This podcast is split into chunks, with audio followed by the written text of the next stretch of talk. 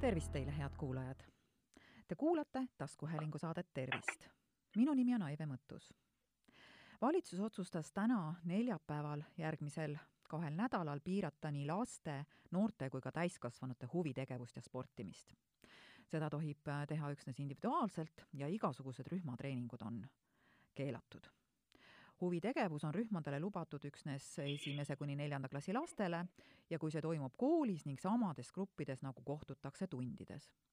sulgeda otsustati järgmiseks kaheks nädalaks ka spaad ja veekeskused, sest eelmise koolivaheaja järel tehtud reovee uuring näitas, et spa külastustest läks viirus hästi levima.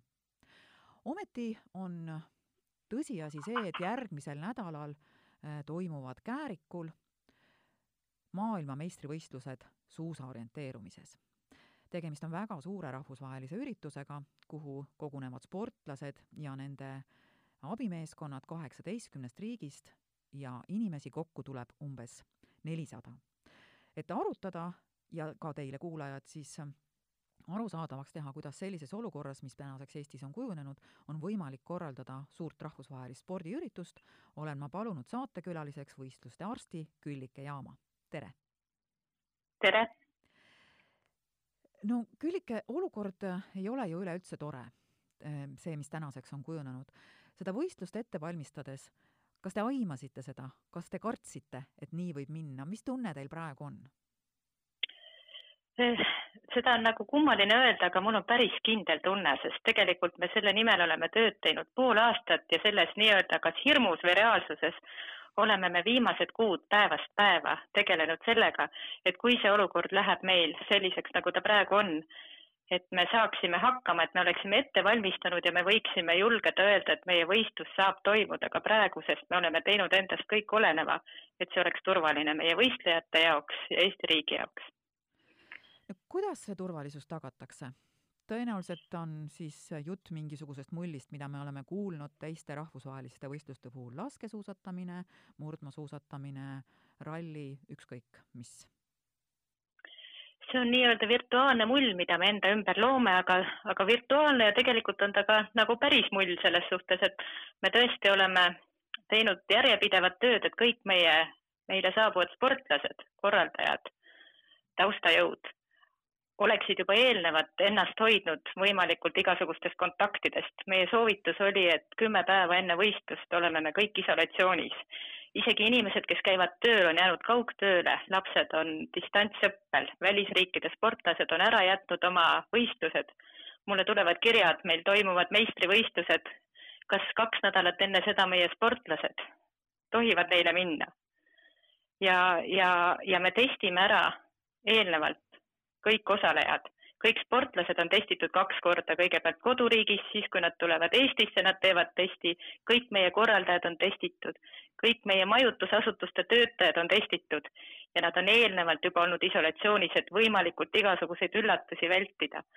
ma arvan, et me oleme selleks valmis, selleks olukorraks, mis on Eestis tekkinud, oleme me tegelikult valmis ja läheme üsna rahuliku südamega vastu. me oleme enda poolt teinud kõik, nii osalejatena kui korraldajatena no seda on rõõm kuulda, et, et teil on süda rahul, et te olete teinud kõik, aga räägime läbi need äh, reaalsed sammud veel kuidagi niimoodi, et inimesed, kes spordiga väga seotud ei ole, mõistaksid, äh, mis toimuma hakkas, et esmaspäevast äh, neil, see on siis viieteistkümnendast veebruarist, eks ole, pidid kõik osalejad, sportlased ja korraldajad soovitavalt jääma isolatsiooni lapsed ei käinud koolis, üliõpilased ülikoolis ja kes sai tugimeeskonnast, töötas kodus, oli see nii? see oli täpselt niimoodi ja tegelikult juba varem. meie enda koondislased juba, suur osa oli sellest eelneva nädal, kuna oli näha, et Eestis läheb olukord halvemaks, koolides nakatumine tõuseb, siis me andsime soovituse oma inimestele juba, juba sellest eelnev nädal jääda õppetööst kõrvale. nii, nüüd nad äh, saabuvad välismaalt riiki, teevad testi Nad teevad seitsmekümmend, seitsekümmend kaks tundi enne koduriigist lahkumist, mitte varem. hiljem, seitse, see test peab vähemalt seitsekümmend kaks tundi olema noor, ütleme nii siis mm. -hmm. ja, ja saatma selle testi vastuse korraldajale. meie oleme selle testi üle kontrollinud, kui see on negatiivne, siis anname me loa asuda neil riigipiiri ületama. ja kui nad on tulnud üle Eesti piiri, siis nad kahekümne nelja tunni jooksul saabumisest peavad tegema uue testi. kuni uue testi vastuse saabumiseni on, on, on kõik saabujad isolatsioonis. see tähendab, et nad ei, ei käi poes, nad ei käi söömas, söögi saavad nad tuppa. Nad kannavad maski hädavajalikel tegevustel ja nad ei alusta ennem ka võistlusega seotud tegevusi, kui on tulnud nende, nende negatiivne testi vastus. et äh, loeb siis ainult negatiivne test. Mis saab, äh, tähendab, ei loe antigeenide test, eks ole? ei, me räägime, kui me räägime testist, siis me räägime PCR testist. jah, just. ka see ei loe, kui inimene on vaktsineeritud ja tal on tõend selle kohta? ka see ei loe, ka vaktsineeritud me testime ära ja kuna meil on nagu äh, meil on, meie mull on võrdsustatud nagu kõige suurema riskiteguriga kohtadega, nii nagu Eesti riigis on hooldekodud, hooldekodude töötajad, me oleme sisuliselt võrdsustanud enda võistluse samasuguse turvariskiga kohaks. mis saab nendest, kes on selle koroonaviiruse juba läbi põdenud? kahtlemata selles suures seltskonnas on neid inimesi ja, ja neid tuleb järjest rohkem, see on see töö, millega ma tegelen juba nüüd. Viimased paar nädalat on mulle tulnud äh, välisriikide sportlastelt äh, tõendeid. Nad on põdenud läbi, nad saadavad selle kohta PCR testi meile, nad saadavad oma arsti väljavõtte, ametlikud dokumendid, kus on kirjas, kus on test tehtud, milline oli haiguse kulg, kas on paranenud. Ja kui see on toimunud kõik viimase kuue kuu jooksul, siis äh, nende puhul erandkorras järelpositiivse testiga võivad, võivad võistlejad tulla võistlusele, aga sellisel juhul see peab olema dokumenteeritud ja kõik vastavad paberid esitatud eelnevalt juba. no jah, see on, tundub selline väga kindel süsteem, millest sisuliselt nagu viirusel ei ole võimalik läbi lipsata. aga räägime sealt edasi, kui nüüd see õhtusöök, mis on esimesel õhtul pärast testi tegemist toodud sinna tuppa, järgmisel hommikul on sportlane saanud äh, negatiivse testi vastuse. Ja kuidas ta siis äh, seal Kääriku spordikeskuse territooriumil suusastaadioni ja elamise vahel liikuda võib, millised on need reeglid, kuidas näiteks söömas käiakse, kas, kuidas äh, on ava-, lõputseremoonia, autasustamised, niisugused asjad me küll ütleme, et see tundub turvaline, aga see ei tähenda seda, et me ei räägi, et me jätaksime täitmata mingisugusedki reeglid, mis viiruse tõkestamiseks on kehtestatud. me käitume endiselt nagu risk, viiruse risk on suur, me jälgime kõiki printsiipe, me hajutame, me jälgime ruumide viiekümneprotsendilist täituvust, kõik meie osalejad kogu võistlusperioodi jooksul kannavad maski, välja arvatud siis sportlane, kes võistleb või treenib või jahtub maha. ülejäänud ka väli, välitingimustes oleme me maskides. sööklas samamoodi me katame lauad poolese täituvusega, me proovime söök korraldada nii, et võistlejad tulevad koondised kaupa, et ei tekiks mingisugust kogunemist ka söökla ukse taga.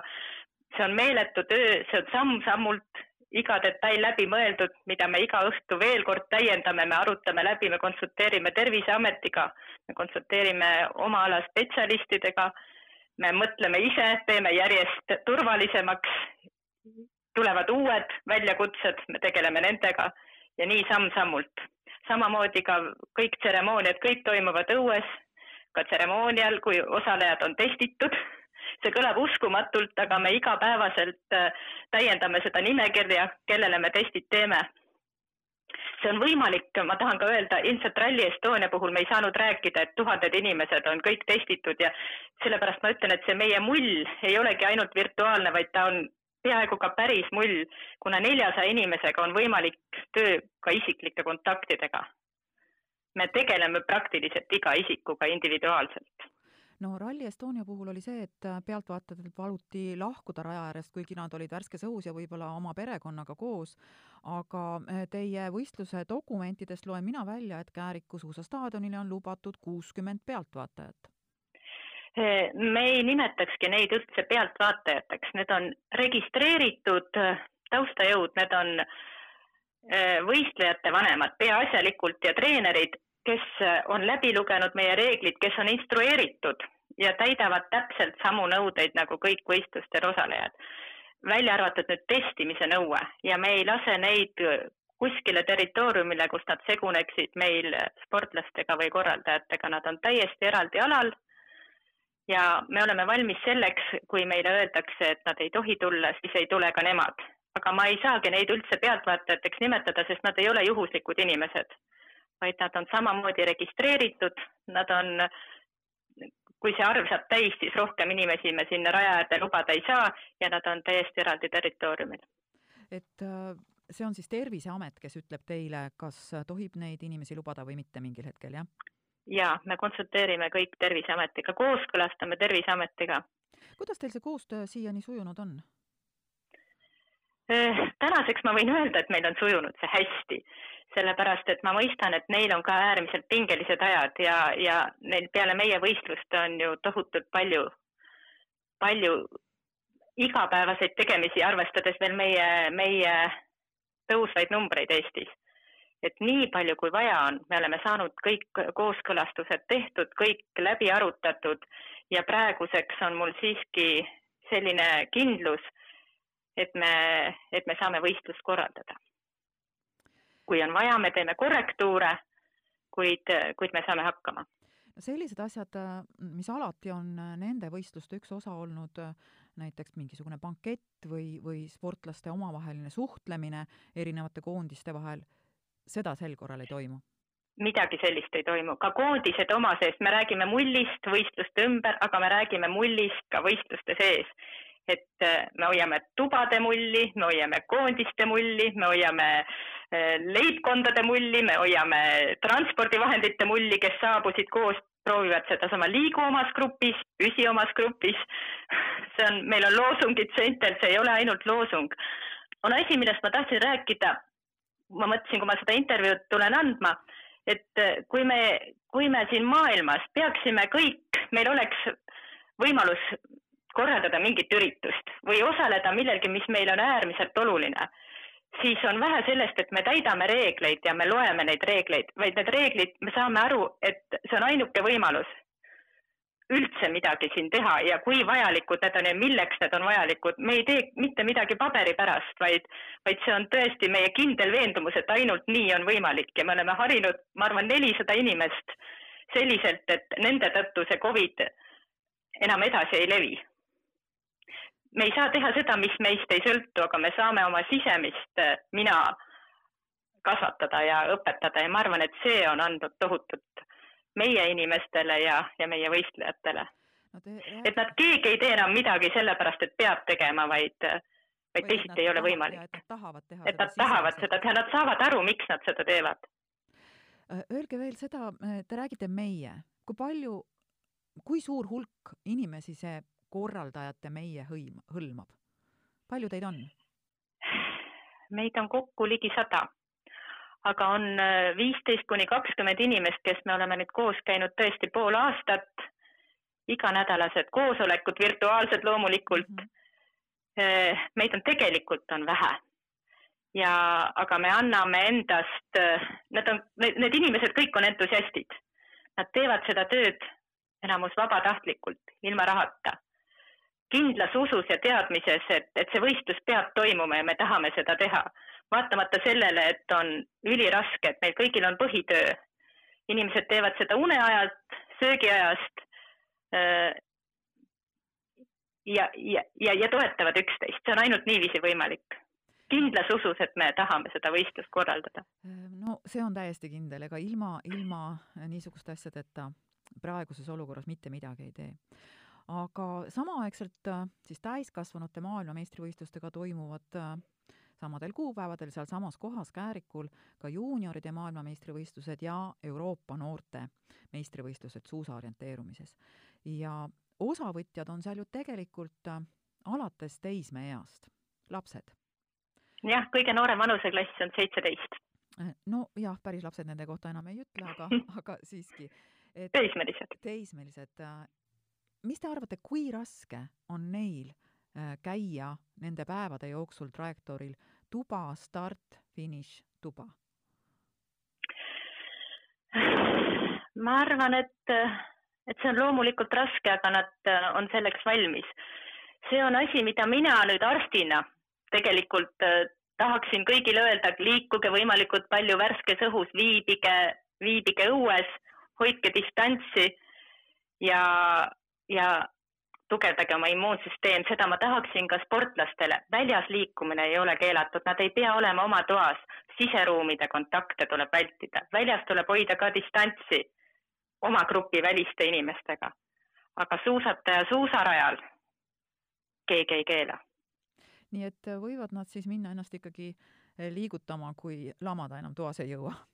absoluutselt, väljas kindlasti me ei taha kogunemist, võistlust territooriumil finišis, sellistes kohtades, kus tekivad pudelikaelad.